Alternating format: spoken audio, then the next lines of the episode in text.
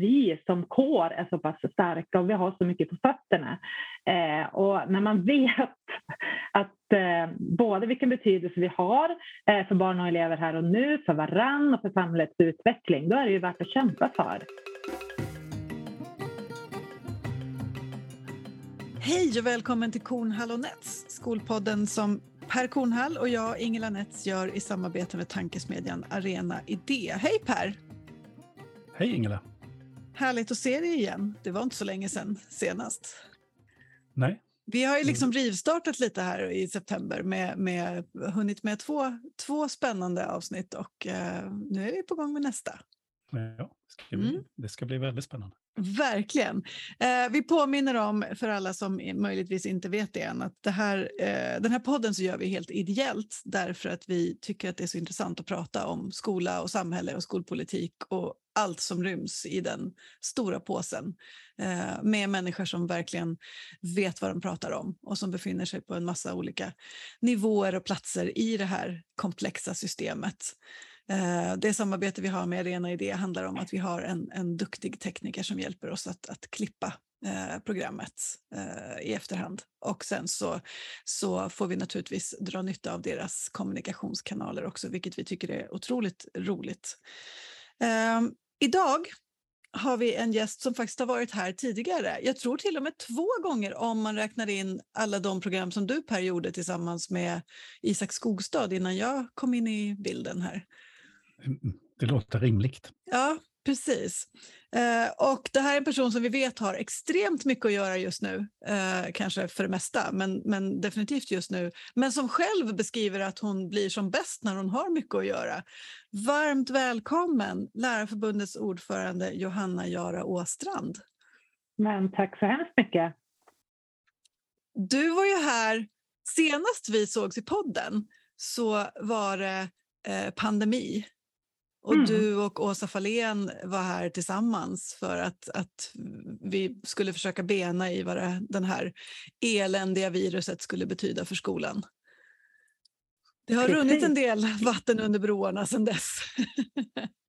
ja, och, och dessvärre så kan man väl inte säga att pandemin är över. Nej. Men tillvaron är lite mer normal nu för ja, tiden. Mm. Ja. Men, men, kan jag fråga dig om det? Hur ser du på vad har samhället lärt sig någonting om pandemin? För då när det pågick som värst, alltså då mobiliserade vi ju alla krafter och lärare och många andra i samhället jobbade ju, ja, för att säga det på ren svenska, häcken av sig för att försöka hålla system och sånt igång. Eh, och så säger vi nu att allting är som vanligt. Har vi, har vi, lär vi oss någonting? Eller, eller är det här bara, har vi bara glömt bort det här nu? Alltså utifrån din horisont som lärare. Eh, ja, nej men jag tänker att vi har lärt oss enormt mycket. Eh, och inte minst när det handlar om hur vi kan faktiskt använda digital teknik på ett bra sätt. Eh, både, både för att nå varandra enklare eh, men också för att ha mer effektiva, effektiva möten. Eh, det blev ju verkligen en skjuts i, i liksom digitaliseringen och också för, för lärare. Eh, det som, det som förut hade man, det, det, man förut hade fått kämpa för att kanske få till, det var nu en självklarhet för att man överhuvudtaget skulle kunna undervisa och särskilt då de lärare som blev hänvisade till att undervisa på distans. Eh, men och det finns ju otroligt mycket mer att lyfta upp i lärdomar från, från pandemin. Inte minst hur viktig det är eh, att vi lärare får vara på plats med våra, med våra elever. Läraryrket är relationellt eh, och det går inte att ersätta klassrumssituationer med, med, med vilken teknik i världen.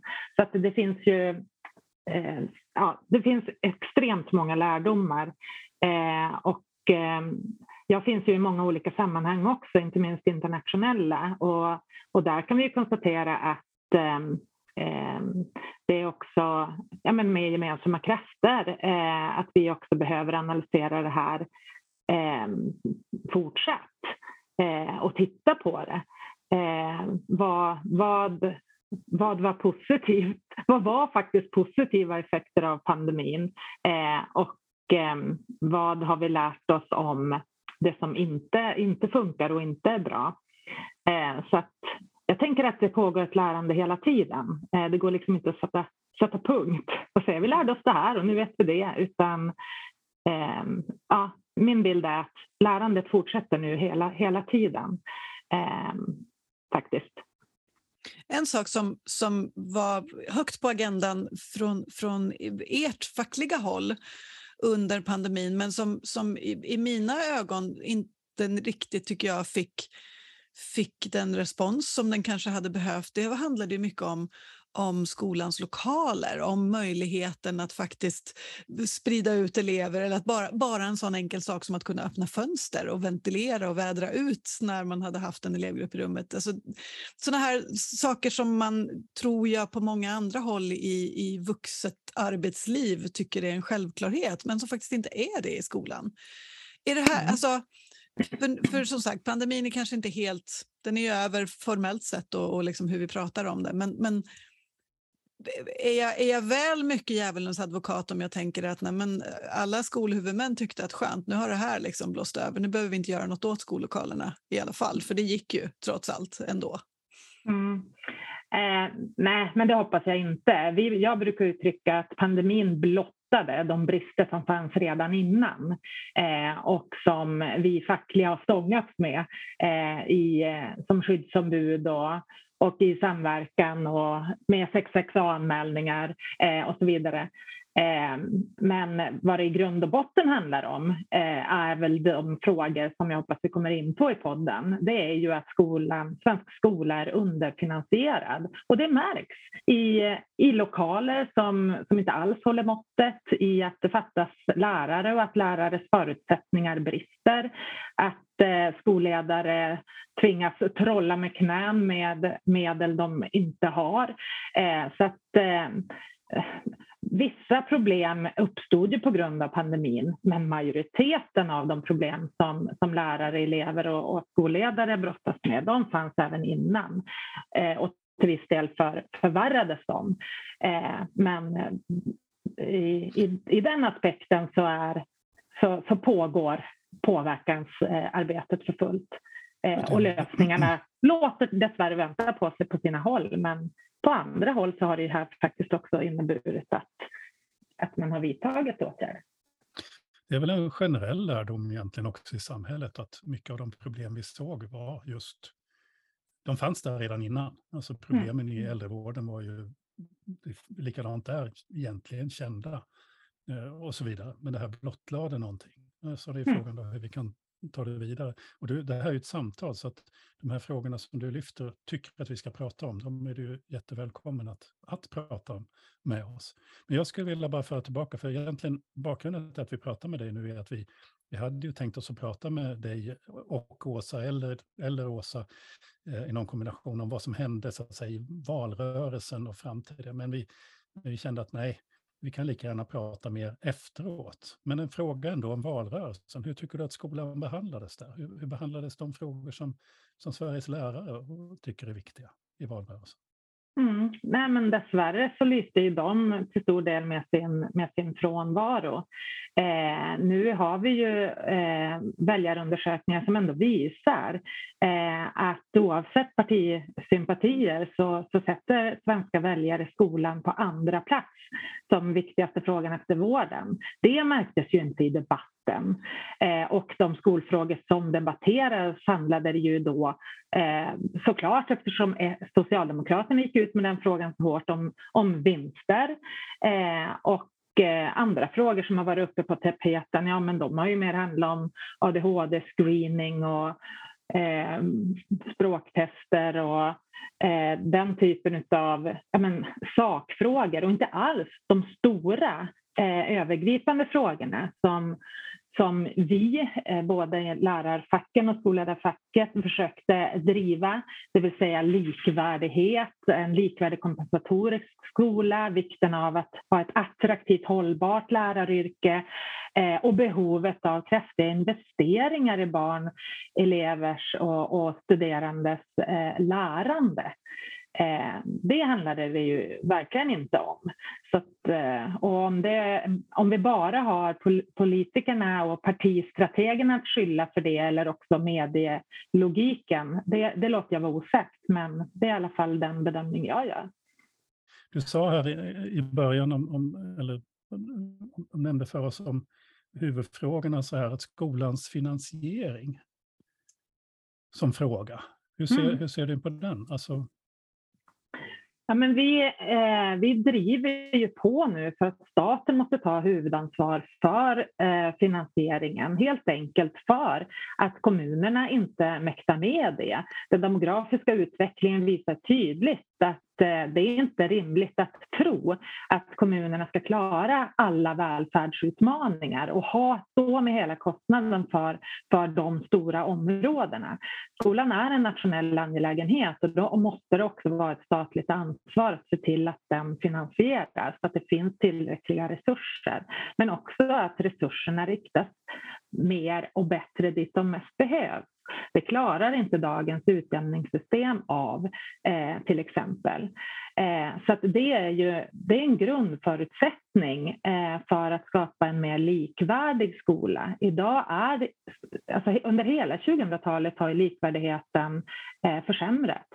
Eh, och en stor anledning till det är ju att eh, eh, det är så olika mellan skolor, kommuner och huvudmän hur mycket pengar som finns Eh, för att, för att skapa en bra skola. Och det faktum att det kostar lite olika att eh, eh rigga samma, samma kvalitet eh, beroende på, på kontext.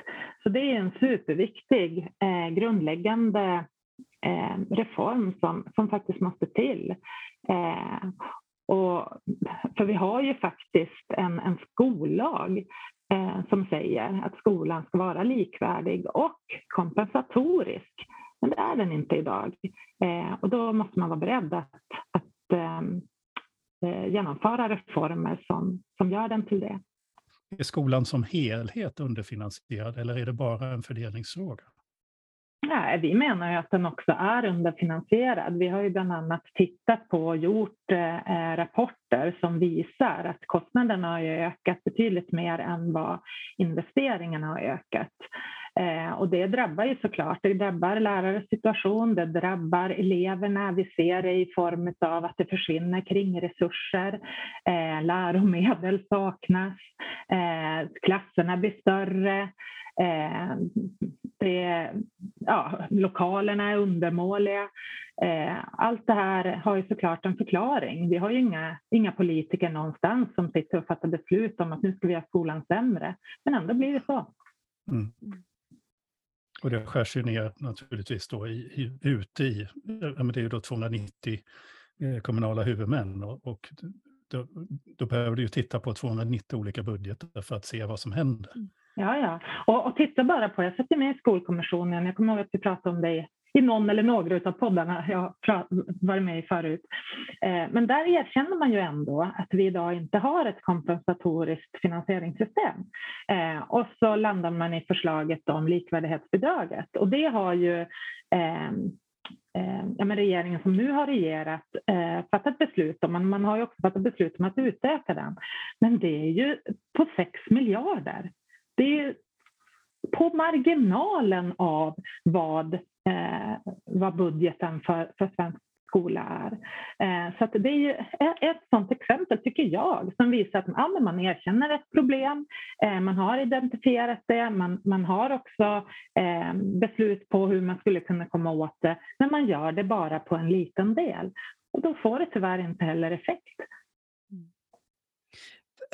det är, ju, det är ju trots allt, nu är vi, vi spelar in det här, eh, den här ödesmättade onsdagen som är liksom sista rösträkningsonsdagen. Så om några timmar vet vi kanske eh, vad vi faktiskt har för, för, för mandatfördelning och därmed liksom kan själva regeringsbildandet börja. Vi får väl ana att det kanske kommer ta lite tid eh, med det innan vi vet exakt. Men vi kan väl ändå liksom unna oss att spekulera lite grann. Så här, vad, är, vad är vad är chanserna eller riskerna eller förutsättningarna att det faktiskt kan bli så att skolan hamnar högt på agendan oavsett vad det blir för regering nu och att den här frågan om till exempel förstatligande liksom kommer på bordet på riktigt?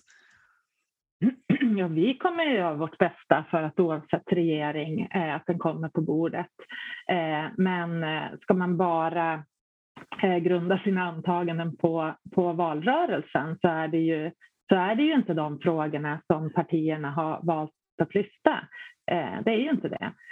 Ehm, men eh, som sagt, eh, och det här är ju inte heller reformer som en regering kan ta. Det här är ju reformer som måste landa i, i partiövergripande, blocköverskridande överenskommelser.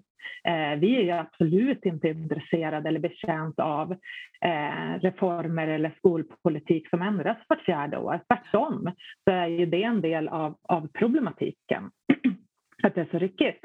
Eh, så att eh, oavsett nu vem som ett får uppdraget att bilda regering och två hur lång tid det får ta eh, så, så kommer vi starta nu eh, och erbjuda oss eh, att Eh, bjuda in till möten eh, och där, där jag hoppas på mer konstruktiv dialog än vad som var möjligt innan valet eh, kring de här stora, stora frågorna. Vi har ju också en, eh, en utredning som ska presenteras här bara om någon, några månader. Eh, och eh, där ser vi i alla fall framför oss att bjuda in hela, hela utbildningsutskottet för att samtala kring utredningens eh, resultat. Eh, vi, vi vill ju och har ju ett tydligt uppdrag som fackförbund eh, att Eh, att påverka och, och vara tydlig med vilka problem och lösningar vi vill se. Men, men vi har ju också ett ansvar att vara en del av den lösningen. Eh, och en del av det är ju att, att skapa broar, visa på, på, på rimliga, möjliga kompromisslösningar eh, istället för att själv bli, bli en del av alla de här låsningarna som, som dessvärre inte gynnar någon. Där är du inne på lite grann en metafråga som jag hade tänkt mig, just det där hur man, hur man som organisation utanför det partipolitiska agerar eh, eh, gentemot partipolitiken, gentemot regeringsbyten och sånt där. För det är ju så att ni kan ju inte binda er till varken det ena eller andra, tänker jag mig, utan här gäller det ju att hela tiden vara lärares röst oavsett vem som råkar sitta i, i och bestämma eh, i olika så, hur, hur, tänker du kring det? Mm, Den här balansgången som, som mm, jag kan tänka mig att det innebär. Ja, men absolut. Eh, politikerna är ju våra viktigaste förutsättningsgivare. Eh, och min inställning är att för att de ska kunna vara det så måste vi ge dem förutsättningar att både förstå vad som behövs eh, men också vara eh, beredd på att Eh, eh, ge förslag på hur man kan komma åt, eh, åt de problem som finns. Eh, med vissa partier så är, krävs det mer jobb för att bli överens om problemen. Eh, med andra partier så kan vi vara överens om problemen men det krävs mer jobb för att bli överens om lösningar. Eh, och med alla partier så krävs det en hel del för att få dem att vilja betala för en bra skola. Så kan man sammanfatta det. Mm. Men, men vi är ju, vi är ju på, eh, alltså vi är ju Lärarförbundet och Sveriges lärare och Sveriges skolledare som, som vi ska etablera vid årsskiftet. Vi är eh, partipolitiskt oberoende. Det är en jätteviktig grund eh, att stå på. Eh, för det handlar också om trovärdighet i relation till, till partier. Eh, sen är det precis som, som du säger Per, vi, vi tar ju lärarnas eh, parti. Eh, och Eh, är också mån om att inte bara skälla, gnälla och kräva utan eh, som lärare vill man ha och ta ett stort ansvar i sitt yrke och det måste man också göra som, som fackförbund, som ett fackligt professionsförbund. Eh, och i det så, så, handlar det om att föra en dialog, eh, vara konstruktiv men också tydlig eh, och markera när det, när det får vara nog. Eh, så att, men det, det krävs ett samspel och jag har eh, många gånger efterfrågat ett nytt samhällskontrakt. För att vi vill ju ha stor tillit, förtroende eh, till kåren. Men eh, då måste vi också eh, uppträda så att vi får det. Du, du, du, rör lite grann vid det som jag tycker mig ändå har upplevt, att partipolitiken ser på ibland lärarna som ett särintresse. Man respekterar inte det stora ansvarstagande som lärarkåren alltid är, har varit villig att ta. Eh, och den kunskap som faktiskt finns i lärarkåren om hur det faktiskt är ute i alla skolor. Att man inte utnyttjar den resurs till kunskap och engagemang eh, och, om, om skolsystemet som finns bland lärarna, utan man bara ser det som ett särintresse. Ja. Ja, och vi, vi inledde ju den här podden med att prata om lärdomar från pandemin och då kan man väl konstatera att för den som det inte var uppenbart för innan så borde det ha blivit det då. Att skolan och läraryrket är långt ifrån ett särintresse. Det är liksom motorn i hela samhället eh, här och nu, eh, men också för framtiden. Eh, och jag menar, jag träffar ju så många Eh, politiker i, i, andra länder där man inte alls har, har kommit så långt med ändå som vi har gjort i Sverige. Alla har rätt att gå i skolan. Det finns ändå en, en, en gemensam liksom, commitment till värdet av bildning, eh, utbildning, eh, skola. Ehm, men, eh, men de politikerna som inte ännu har kommit dit, de pratar sig ju varma om värdet av att värna och värdera sin lärarkår.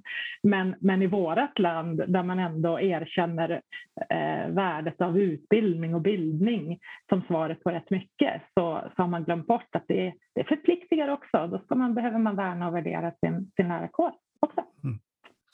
Jag har ju roat mig med att läsa 1946 års skolkommission som ju är grunden på något vis för vårt moderna skolsystem, den, den är ju väldigt, väldigt tydlig med att det är lärarkåren allting hänger på. Eh, och det är en väldigt fantastiskt bra beskrivning av vilka förutsättningar man behöver ge lärarkåren. Den frihet som måste finnas i yrket, den, den liksom uppbackning som man måste känna ifrån samhället och så vidare. De skriver ju otroligt bra om det, men det, det verkar som att vi har glömt bort det. Ja, och det är väl också ett resultat av Eh, en, en samhällsutveckling eh, som inte är positiv i det avseendet. Eh, och eh, där vi är en av många professioner som, som liksom får kämpa för, för vår tillit. Eh, och ja, men vi ger oss ju inte. Du nämnde, du, du, nämnde det själv när vi pratade om valrörelsen och, och det kom idag också då, Eh, den 14 september en, en, eh, artikel i Dagens Samhälle från, från dig och dina tre kollegor nu då i, i eh, eh, lärarfacken och skolledarorganisationerna så, som, som eh, tillsammans eh, i princip säger det som du har också sagt här, att vi vill vara en del av lösningen, vi vill föra konstruktiva samtal, men vi, det finns också ett krav på, på en statlig, ett statligt huvudansvar för skolan till exempel. Men rubriksättningen på den här artikeln är vinstjakten måste fasas ut ur skolans värld. Och det finns med i texten, men, men det känns inte som att, att vinsten i sig är huvudspåret, varken i er argumentation och, och det är, jag tycker att det är fler och fler som, som också pratar om att just fokuset på, på vinster eh, har, har liksom flyttat eh, fokuset från, från frågor som kanske egentligen skulle vara viktigare att lösa för skolan än just vinst. Har, har vinstfrågan blivit liksom den stora eh, symbolfrågan för hela komplexa skol, skolsammanhanget? Vad tänker du? Att den här valrörelsen gjorde den till det. Mm. Eh, och bara för att eh, kommentera rubriken, den sätter ju tidningen, inte, ja, in, inte debattartikelförfattarna. ja. Och, men det är väl också ganska signifikativt. Då. Ja. Då, då har de en redaktör där som tycker det här är den stora frågan och så, och så mm. lyfter man upp den. Eh, ja, men Socialdemokraterna bestämde sig ju uppenbart för att det var deras skolfråga. Eh, de vet ju att de har eh, medborgarnas stöd bakom den. Eh, men uppenbarligen inte tillräckligt för att de skulle få en, få en, få en majoritet. Eh, vi har ju eh, nu kongressbeslut i Sveriges lärare och Sveriges skolledare på eh, att marknadsskolan och vinsttänket måste fasas ut. För vi tycker att det inte hör hemma eh, i i svensk skola. Det, det, det, är förödande.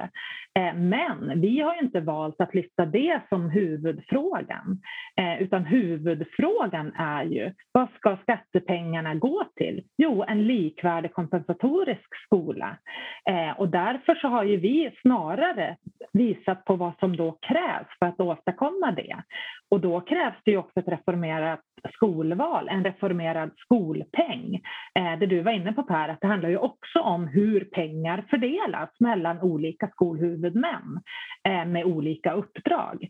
Eh, för att vi vet ju, och det har ju också utredare pekat på, att en del av vinst att vinst överhuvudtaget uppstår idag, det är ju för att skolpengen ser, skolpengens konstruktion ser ut som den gör och man överkompenserar eh, då vissa skolor på andra skolors bekostnad. Det blir ett nollsummespel i detta. Eh, och det är ju, även om man, om man vill eh, eller har som mål att sänka skatterna och att det ska bli billigare eh, att bedriva skola utan att det ska drabba kvalitet, så är det ju ganska dumt då att ha ett system som, som läcker eh, och som inte, inte riktar pengar dit de bäst behövs. Så att vi har ju försökt snarare titta på systemfelen eh, för att eh, delvis också runda de här eh, positioneringarna, de politiska positioneringarna i, i när det gäller eh, eh vinstfrågan. Din, din och, och nu snart, eh, eller din och statens utredare, på säga, Johan Ernestam, har ju fått ett uppdrag också. Vi ska intervjua mm. honom senare i podden eh, mm. i ett kommande program. Jag bara tänkte vinstfrågan, för han, han gick ut i, ett, i en replik mot, mot uh, Hans Bergström, som är en av, av delägarna eller en av grundarna, eller vi ska säga, men, men i alla fall väldigt mycket inblandad i, i internationella engelska skolan. Han menar ju ändå då att vinst, det är ju väldigt tydligt att se att vinstincitamentet påverkar lärarlöner, lärartäthet, skolgårdar, skolbibliotek, betygssättning.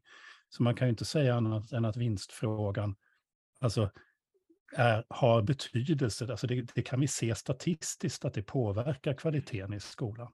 Mm. Eh, det, det, är liksom så att man får inte glömma det och, och, göra det till att det handlar om någon sorts symbolisk fråga, utan det är faktiskt en, en direkt påverkan. Men ja, ja, ja. Och det, ja. men, och det har du ju helt rätt i. Eh, utan min kommentar var väl snarare på hur den har låtit i debatten. Mm. Eh, för där har det ju inte det där egentligen heller eh, kommit upp, utan då har det ju snarare hettat varför ska det kastas ut pengar till dyra semesterresor? Alltså det har ju ja. ja. Mm. Mm. Men, men tillbaka till likvärdighetsfrågan, för det är ändå eh, den som är det, jag upplever också det som det centrala, alltså hur fördelas. Och vi hade ju nu, vi har ju spelat in ett program med Happy Hilmarsdotter som ju då är skolchef på Järvafältet. Och det gjorde vi ju någon mening som reaktion på, på valrörelsen, för vi blev så trötta på de här symbolfrågorna om ADHD-testning och sånt. Istället och ville vi visa på att om man tar de här frågorna på allvar, Eh, med början i en kompensatorisk resurssättning så kan man förändra skolan väldigt dramatiskt, för det är precis vad de har gjort. Mm. Och då handlar det om att en av Sveriges kommuner, Stockholm, det finns andra som har gjort det också, men, men Stockholm är ju den, den kommun som har gjort den största socioekonomiska fördelningssystemet, alltså som flyttar mest pengar till de skolor som verkligen behöver det. Och då kan helt plötsligt de här skolorna göra vad jag skulle vilja beteckna som ett litet underverk. Fast det är inte ett underverk, utan det är bara att man har fått möjlighet att göra det man är bra på. Alltså man har gått från 40 procent i gymnasiebehörighet från årskurs 9 till, till uppåt 80 procent på de här skolorna på Järvafält. Mm. Det är en helt fantastisk utveckling. Som mm. hade varit helt omöjlig, menar jag, om inte det hade varit en resurssättning.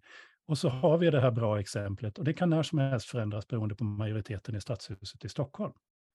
Och vi har 290 kommuner till där det här sker i mer eller mindre, oftast i ja, då i 100 procent av fallen i en mindre omfattning. Alltså det här är ju det är så alltså, uppenbart och så påtagligt och det är ju det som, som lärarkåren ser och det är det ni talar om och så vidare. Hur kommer det sig att poletten aldrig ramlar ner? Ja, det är en jätte, jättebra fråga. Eh, Eh, och jag menar de, de, det exemplet med Stockholm som du ger, det är klart de, har, de har, är ju så pass stora, de har en så stor volym så att när de fördelar inom sig så kan det faktiskt få den här typen av positiva effekter. Eh, men sen har vi ju andra sidan bland de här 290 kommunerna så otroligt små kommuner så att det spelar ingen roll hur de fördelar så är det ändå för lite överallt.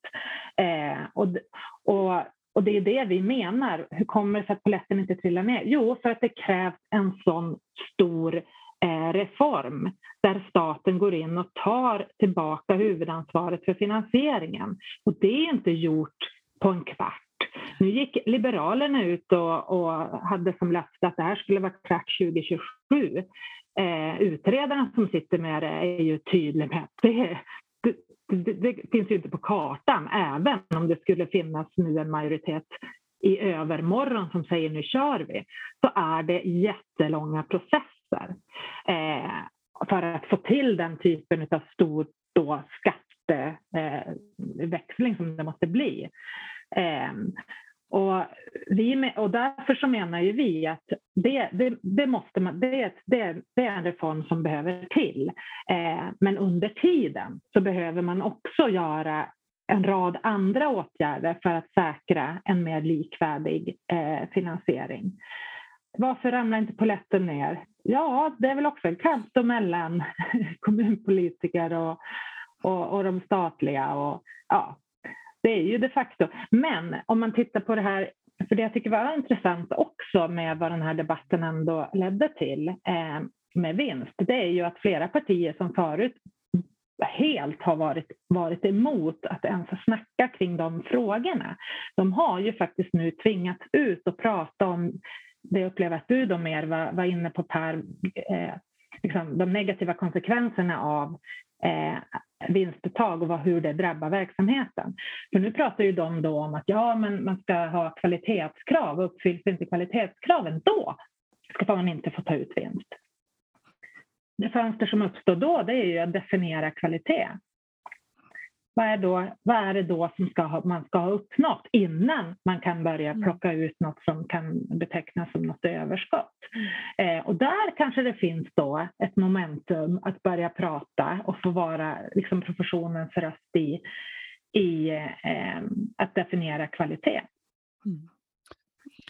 Vilket ju, jag menar, är väldigt, väldigt bekymrad över tanken på en sån utveckling. Eh, för då ska det definieras och vem ska definiera det och, och vad får vi för styrning i skolan då? Mm. Alltså, vi, har haft ganska, vi har ganska mycket problem med betygsinflation redan nu. Vad kommer de här indikatorerna leda till för negativa effekter? Jag är liksom inte riktigt säker på att de som föreslår det här har tänkt igenom konsekvenser. Eh, man tänker sig rädda ett system som man vill ha kvar, men, men konsekvenserna av medicinen kan ju faktiskt bara förvärra situationen. Ja, men man kan ju också utifrån vårt perspektiv då, eh, jag håller med dig, men utifrån vårt perspektiv så kan man ju då konstatera att ja, men det, är inte, det kan ju inte vara det kan inte vara okej okay att plocka ut vinst om man har 30 procent behöriga lärare. Mm. Alltså man kan ju börja kräva centralregleringar på hur stora får klasserna mm. vara, eh, hur många lärare måste det finnas, hur ska lärarna, hur mycket undervisning får de göra, hur, mycket, hur ska elevhälsan se ut? Eh, alltså det vi faktiskt vet, både genom vetenskap och beprövad erfarenhet, mm. har betydelse för eh, kvalitet i undervisningen, för elevernas chans att utveckla lärande. Mm. Eh, det kan ju vara enormt kvalitativ undervisning som bedrivs, men betygen är ändå lägre än på skolan bredvid. Men utvecklingskurvan har gått mycket mer positivt. Så att, ja. Men det, det håller jag helt med dig om. Eh, men det är väldigt skillnad på, vad ska jag säga, grund, eh, ram, att man har ramfaktorer på plats som lärartäthet och sånt. Att använda ett sånt regelverk som mått på möjligheten att skapa kvalitet. Jag tycker, vad jag menar är att sätter man istället, om man med kvalitet menar ett utfallsmått, då får vi problem. Men om man som du oh, säger sätter Peter, alltså, menar att med kvalitet så menar vi att man får inte ta ut vinst om inte vissa grundläggande ramfaktorer i undervisningen finns mm. på plats. Då är jag mm. helt med på dig. Mm. Och, och, där skulle ju staten, tycker jag är självklart att staten ska gå in och villkora på det sättet. Mm. Och, och, jag kan ju tycka att på ett område, jag vill bara kasta in ett område som ingen pratar om, men som är väldigt tydligt och som Johan lyfte. Det här med skolgårdar. Alltså, mm. Alltså vi har ingen reglering alls av skolgårdar. Eh, vi har ingen av det här att man med behöriga lärare, det finns en massa allvarliga dimensioner i det här. Men mm. tittar man då på det som där det inte ens finns, jag menar man, man följer ju inte skollagen när det gäller behöriga lärare, där skiter man i skollagen. På områden där det inte ens finns i skollagen någonting, det vill säga skolgårdar och friytor och sånt där, ja då är det ju rena, ursäkta svenska, rena vilda västern. Mm. Mm. Att det visar, alltså, ja, Nej, men jag är helt med på din, din tanke. Om du formulerar det så, så är jag helt med på din tanke. är, vi, är vi på väg tillbaka mot usken? Apropå, re, apropå reglering av lärares förutsättningar och mm. om man tänker liksom vidare i den tanken. Ja. Nej, men vi, vi har ju nu eh, kongressernas eh, beslut på en ganska tydlig utbildningspolitik och i den så, så finns det punkter som, som kräver centrala regleringar. Både för undervisning, planering, gruppstorlekar, antal klasser, eh, elevhälsa, ja, men lite av det jag eh, nämnde. Eh, sen tror inte jag att vi är betjänta av att snacka om att vi ska tillbaka till ditten eller vi ska tillbaka till datten, utan vi är i ett nuläge nu där lärare har historiskt hög arbetsbelastning. Eh, den beror delvis på att vi saknar utbildade kollegor att dela ansvar med. Den beror på det vi har varit inne på, att det saknas pengar eh, så att, eh, så att man faktiskt inte kan sätta en en hållbar utvecklande arbetsorganisation som rektor, utan du tvingas hela tiden pressa. Eh, att man som lärare eh, inte har några som helst marginaler. De här marginalerna som faktiskt är A och O för att man ett ska hinna handla, två ska hinna bygga relationer eh, med elever och, och kollegor. Eh, så att Eh, och då eh, har ju vi såklart inte tecknat ett enda avtal med en enda huvudman som inte adresserar den här problematiken. Men vi kommer ju ändå inte åt den eh, överallt. Vi har ju för sjutton den starkaste arbetsmiljölagsstiftelsen i, i, i världen, men vi har ändå de högsta sjukskrivningstalen. Så att det är ju något fel här. Eh, och eh, jag tänker i mig eh, att i en, i en framtida värld där vi har en, en, eh, en, en finansiering som faktiskt är tillräcklig för att garantera likvärdighet eh, och Eh, för att bekosta det kompensatoriska uppdraget och som grundar sig på stor tillit och förtroende till kåren, ja, men då behövs ju inte den där typen av regleringar.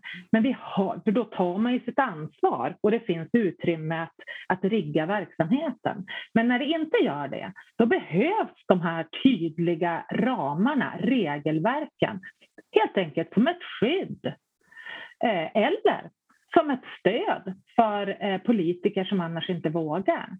Eh, så att eh, var sak har, eh, var tid och var sak eh, måste liksom ta hänsyn till, till, till, nu, till nutiden. Eh, och, jag, och jag tror liksom att vi gör oss själva en otjänst om vi, om vi blickar, om vi tror att vi går tillbaka till något, för det gör vi inte. Läraruppdraget var helt annorlunda då. samhället var annorlunda. Mm. Eh, det fackliga arbetet var annorlunda. Men... Eh, jag tycker du pekar på någonting viktigt här, eh, för att, för att lite som, som Per, din reaktion på, på tanken om att man skulle behöva så att säga, ha ett, ett ytterligare förstärkt kontrollsystem för att komma åt de liksom avarter som, som, som blir i, i, inom skolvärlden. Så. Um, och, och jag tror att man, vi som verkar i skolan tror jag spontant tänker då på just det här att, att, att eh, alltså, kontrollera huvudmän utifrån, kontrollera lärare och liksom.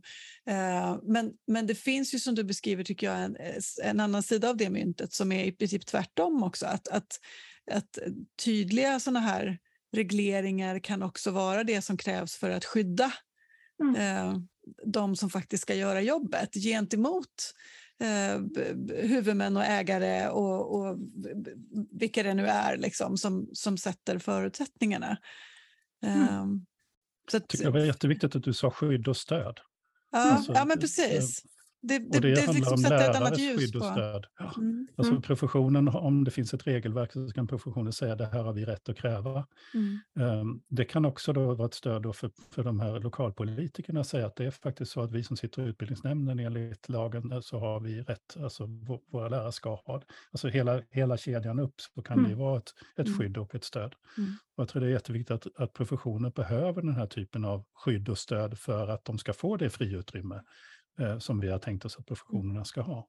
Mm. Jag tycker också det är rätt intressant, för jag har, tittat, jag har ju varit i Chile och tittat på vad de gör där när de då ändrar sitt skolsystem. de villkorar ju verkligen sin skolpeng. Det vill säga, man har ju inte lagt ett förbud om att driva skolor med vin, i vinstsyfte. Men det man har sagt är att om man ska ha tillgång till den statliga finansieringen så får man inte driva dem i vinstsyfte. Alltså man har villkorat, man har också villkorat att ska man ha en del av, av um, skolpengen så måste man också ansluta lärarna till de statliga professionsprogrammen som finns och så vidare. Så man sätter villkor för, eh, staten bara inte delar ut pengar utan man sätter vissa villkor. Och jag tänker på sådana situationer som jag menar, det faktum att vi har, vi har faktiskt lagstiftat att, att nya ut, nyutexaminerade lärare ska ha en mentors, eh, mentorstid. Mm. Och ändå så sker inte det. Mm. Då är frågan om, när om man inte ens bryr sig om lagstiftningen, måste inte då kanske staten då kliva in med den här typen av... Alltså är det bara pengar som, som som hjälper, om du förstår vad jag menar, eller hot mm, om mm. mindre pengar som hjälper, ja då måste ju staten göra det, för vi kan ju inte tillåta att skolsystemet driver iväg från det som skollagen säger. Alltså mm. det är någonting då, ja. Mm. Nej, men man önskar ju då att eh, de som faktiskt är ytterst ansvariga och folkvalda eh, diskuterar den typen av frågor istället. Eh, mm. men, men det gör man ju inte, utan eh, för att eh, vi, står, vi har jättemånga utmaningar i svensk skola. Vi, är, vi har också en av att alltså vi har riktigt bra skola. Eh, men jag skulle nästan säga att den största utmaningen är att få våra beslutsfattare att fokusera på de faktiska problemen eh, och inte, inte bara eh, uppehålla sig i, ja, i, i frågor som delvis kanske har uppstått på grund av att man inte eh, ta hand om grundproblematiken och delvis uppstår för att man inser att här har vi olika åsikter och då, därför behöver vi eh, flagga upp den. Mm. Du, för, för, att ta en liten annan, en annan, ett annat perspektiv. Du, hur många år har du varit ordförande i Lärarförbundet? Men vi jag försökte räkna vår... efter. Ja, exakt. Eh, vi går mot eh, vår sista ordinarie kongress nu då, följaktligen i Lärarförbundet mm. i november. Mm. Och då har jag varit ordförande i åtta år. Okej. Okay. Uh. Får jag, får jag, göra, för jag hade liksom en jättesnygg radioövergång i huvudet. Jag, liksom, så, så du måste få ta den nu? Ja, ja jag tycker nästan det. Så 2012 skrev jag en debattartikel om att skolpolitikerna måste komma upp ur sandlådan och vi måste ha någon sorts borgfred för att diskutera de här frågorna. Och här sitter vi nu då, eh, nästan tio år senare, och så har vi ungefär samma samtal.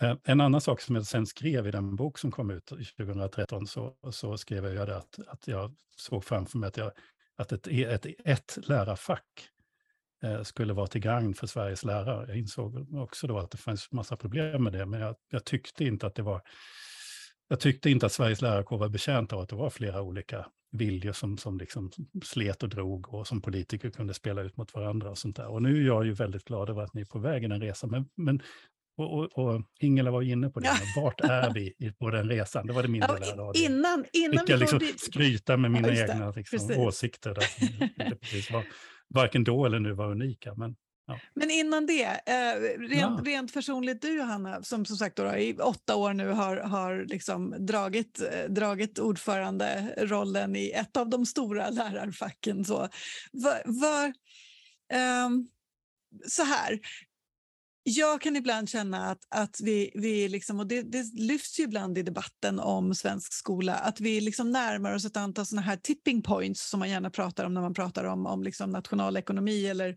globala liksom, eh, miljöproblem. Så. Eh, men även i skolsystemet, att vi hamnar i tipping points där, där liksom vägen tillbaka blir för lång. Och nu sa du alldeles nyligen här att vi ska inte titta tillbaka, utan, men, men om man säger då vägen till till Eh, ett bättre, eh, en, en, bättre tillvaro än den som vi befinner oss nu. Alltså var, var hittar du din energi att, att vara så där tålmodig med politiker som vägrar att låta poletten trilla ner och, och bara liksom plakatfäktas med varandra istället för att ta, ta liksom skolans frågor på allvar? Mm, vilken bra fråga. Men dels så hämtar jag och hittar och lever jag på på energin ur engagemanget för, för läraryrket och läraryrkets utveckling. Eh, och eh, det är så pass starkt. Eh, och jag känner också att vi som kår är så pass starka och vi har så mycket på fötterna. Eh, och när man vet att både vilken betydelse vi har för barn och elever här och nu, för varann och för samhällets utveckling, då är det ju värt att kämpa för. Och Eh, jag är också duktig på att se små framsteg. Eh, för det tror jag att vi alla behöver göra. Särskilt när det känns som jobbigast och tuffast eh, så, behöver vi identifiera de, de små framstegen som tas. Och jag de är lätt att se och ibland kanske jag ser fler än, vad som finns. Men så länge det ger energi till att fortsätta så tänker jag att det är väl inte, då är det ju ingen fara på taket. Vad, var din bakgrund? För det var en sån som jag kommer tänka på inför det här samtalet också. Alltså vad var du lärare i? Vad gjorde jag innan? Ja. Eh, nej, men jag är lärare i svenska SO, matematik. Eh, och eh, har, eh, har mina flesta lärarår på, på mellanstadiet. Men jag har också jobbat som utvecklingsledare eh, och lärarutbildare. Eh, så att ja, jag har alltid funnits i och hittat och hamnat i, i frågor som har handlat om, om utveckling och ja, det gör ju väl alla lärare. Det är det vi vill jobba med, både andras och vår egen. Ehm, men sedan, ehm, sedan 2014 då så har jag varit förbundsordförande mm. dygnet runt. Är det, är det kul? Vansinnigt kul eh, och jag brukar säga att det är det finaste förtroende man kan få som, som lärare, att verkligen få vara rösten. Och eh, nu apropå det du, det du försökte få in samtalet på Ingela. Ja, med, jag misslyckades, men det var ju så fantastiskt bra fråga från ja. Ingela så, så jag, skammens rodnad så drog jag mig tillbaka. Ja. Ja, eh, nej men jag är ju enormt stolt över, apropå se framsteg, över vad vi, vad vi lyckades med 21 maj i år när vi hade tre kongresser som, som sa ja till en gemensam framtid, till att göra gemensam sak. Det är något som har drivit mig i hela min förbundsordförande eh, resa eftersom jag fullständigt eh, eh också eh, håller med dig Per om att hur, hur vi har organiserat oss har ju också varit en del av orsakerna till att vi inte har kommit fram i frågor. Det har både varit försvagande, det har varit fördyrande för våra medlemmar, det har varit försvårande och det har gett eh, partier eh, makt och inflytande över frågor som vi borde ha stått enade i. Eh, så att eh, nu känner jag enorm, apropå din fråga, energi i att eh, få ihop det här på ett så bra sätt som möjligt. Eh, och Ehm, det, gör nu, det vi gör nu under hösten och där vi är nu under hösten det är ju i en etableringsprocess ehm, där vi både ska etablera Sveriges lärare, för skolledare och den gemensamma föreningen facken inom utbildning så att vi verkligen håller ihop eh, professionen. Vi är varandras förutsättningar. Ehm, och ja, så att eh, 10-11 samlar vi inom Sveriges lärare alla ombud, det är avdelningsordförande och kommun, eh, föreningsombud. Eh, jag tror att kommer alla är vi väl en sådär 700-800. då, då fyller vi Friends. Eh, vi har alla gemensamma styrelsemöten nu och eh, övergångsreglerna säger att vi ska dela på ledarskap. Jag och Åsa Fahlén har gjort så att vi delar Eh, ledarskapet i tid. Så att det är jag som leder etableringen nu fram till årsskiftet. Sen går jag in som förbundsordförande för Sveriges lärare fram till nästa sommar och tar Åsa vid eh, och leder Sveriges lärare fram till då den första kongressen som blir då i, i maj 2024. Och då ska 35 personer i en förbundsstyrelse bantas ner till, till 17 och så ska ja, men förhoppningsvis, då ska ju det sättas ordentligt eh, och alla känna att vi är Sveriges lärare eh, gemensamt.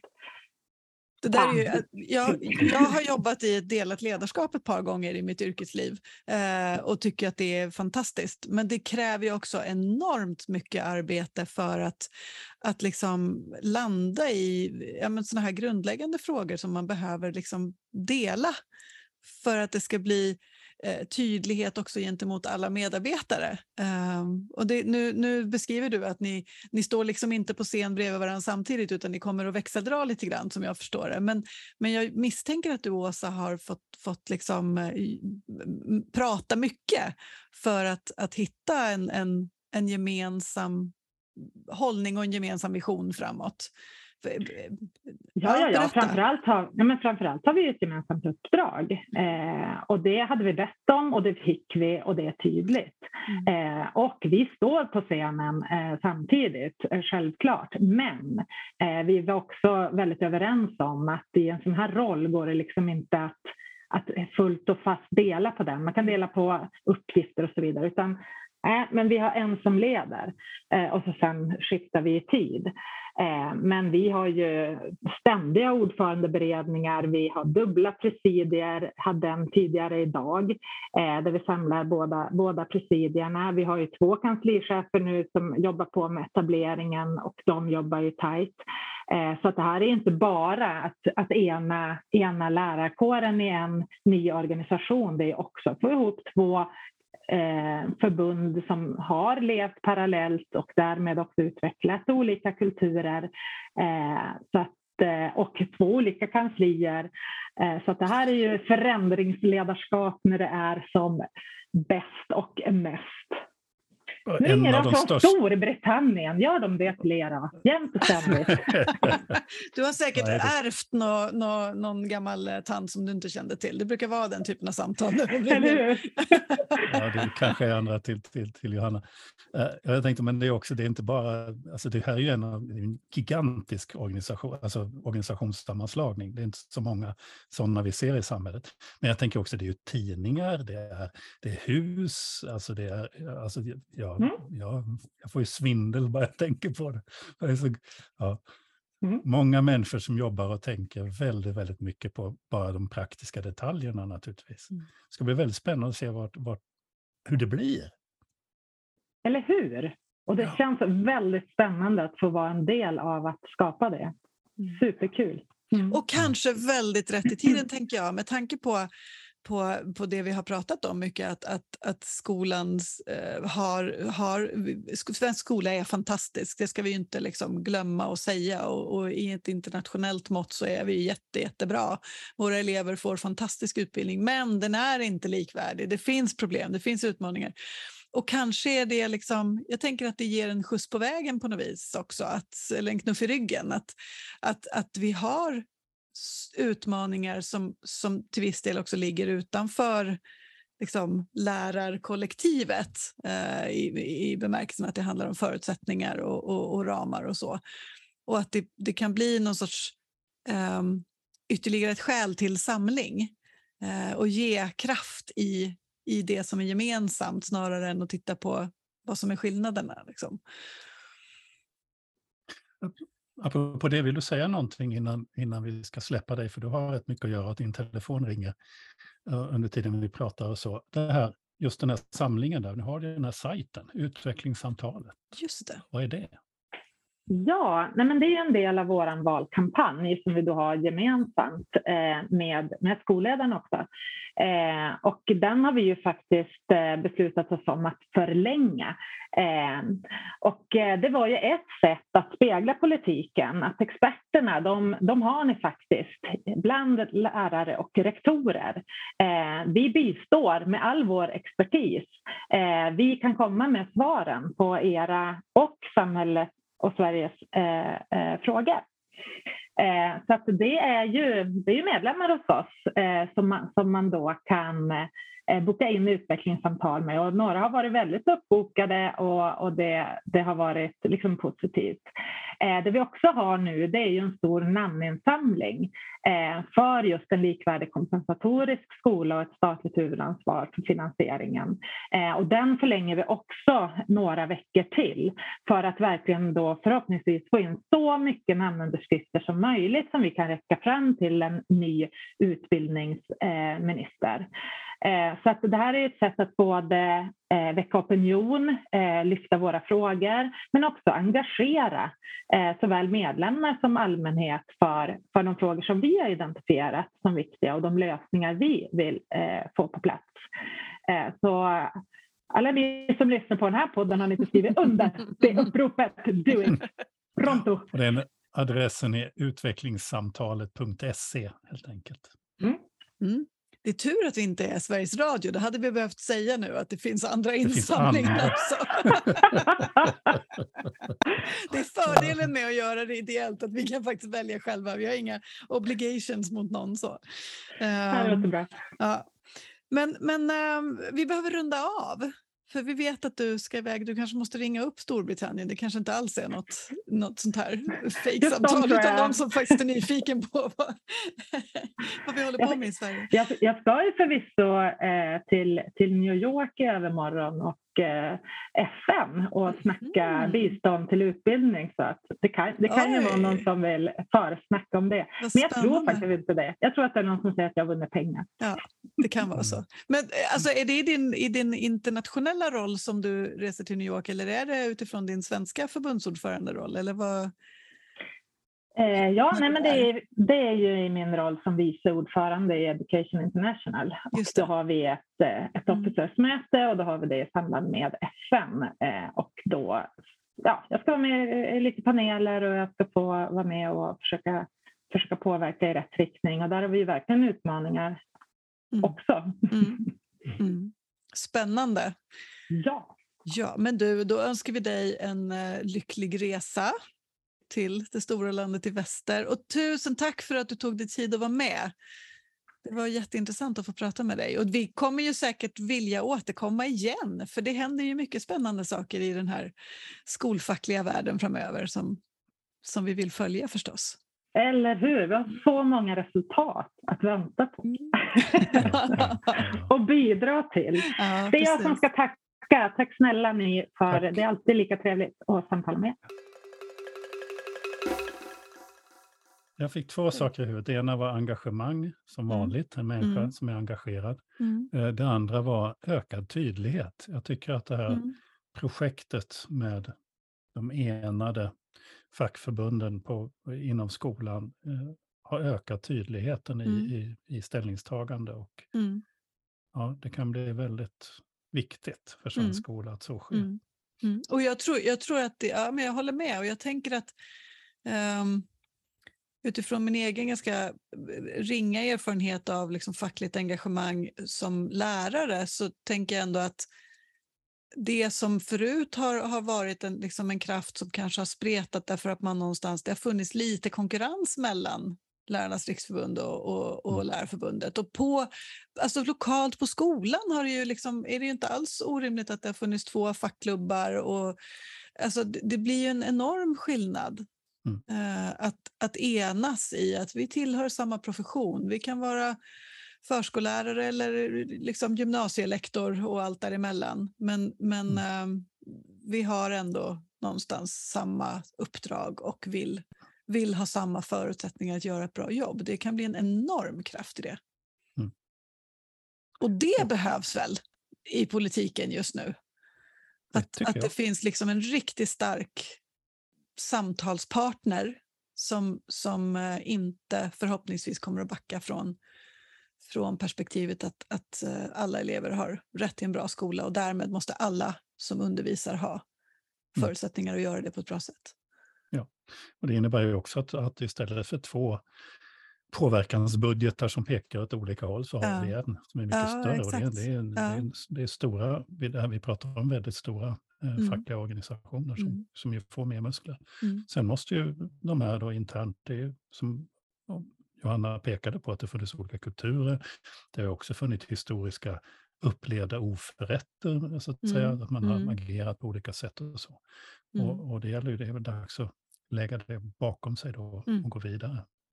Och då tycker jag nog att den riktning man har pekat ut känns väldigt bra. Och, och, jag vill i alla fall rekommendera alla att gå in på utvecklingssamtalet.se och mm, skriva ja. namninsamlingen. För det tycker ja, men framför, jag tycker också att, en röst. Ja, och, och, se de här personerna som Johanna beskriver då, som, som är liksom eh, skickliga professionella personer. Som, det, alltså, jag, det hade inte jag fattat att man kunde liksom boka in sig. Så, ja, det är lite som mm. det här när man kan gå till biblioteket och låna en, vad det nu har varit, en yrkesperson eller någonstans som man kunde låna en invandrare från någon specifik plats. Jag tycker det är fantastiskt. Det handlar ju om att, att möta människor som verkligen eh, har liksom, kompetens och kunskap att tillföra i samtalet. Mm. Och förhoppningsvis med en annan liksom, eh, samtalston än den som har varit i den politiska debatten nu inför valet som man ju är mm. oerhört trött på. Du har precis lyssnat på ett avsnitt av Kornhall och Nets, en skolpodd som jag, Ingela Nets och Per Kornhall gör i, i samarbete med tankesmedjan Arena Idé. Om du har en önskegäst eller någonting du tycker att vi borde prata om så hör av dig. Du hittar våra kontaktuppgifter där. Du hittar podden och bland annat på till exempel Arena Idés hemsida. Du kan också se en videoversion av podden och den hittar du om du söker på Kornhall på Youtube till exempel. Vi hörs snart igen. Ha det så bra. Hej då!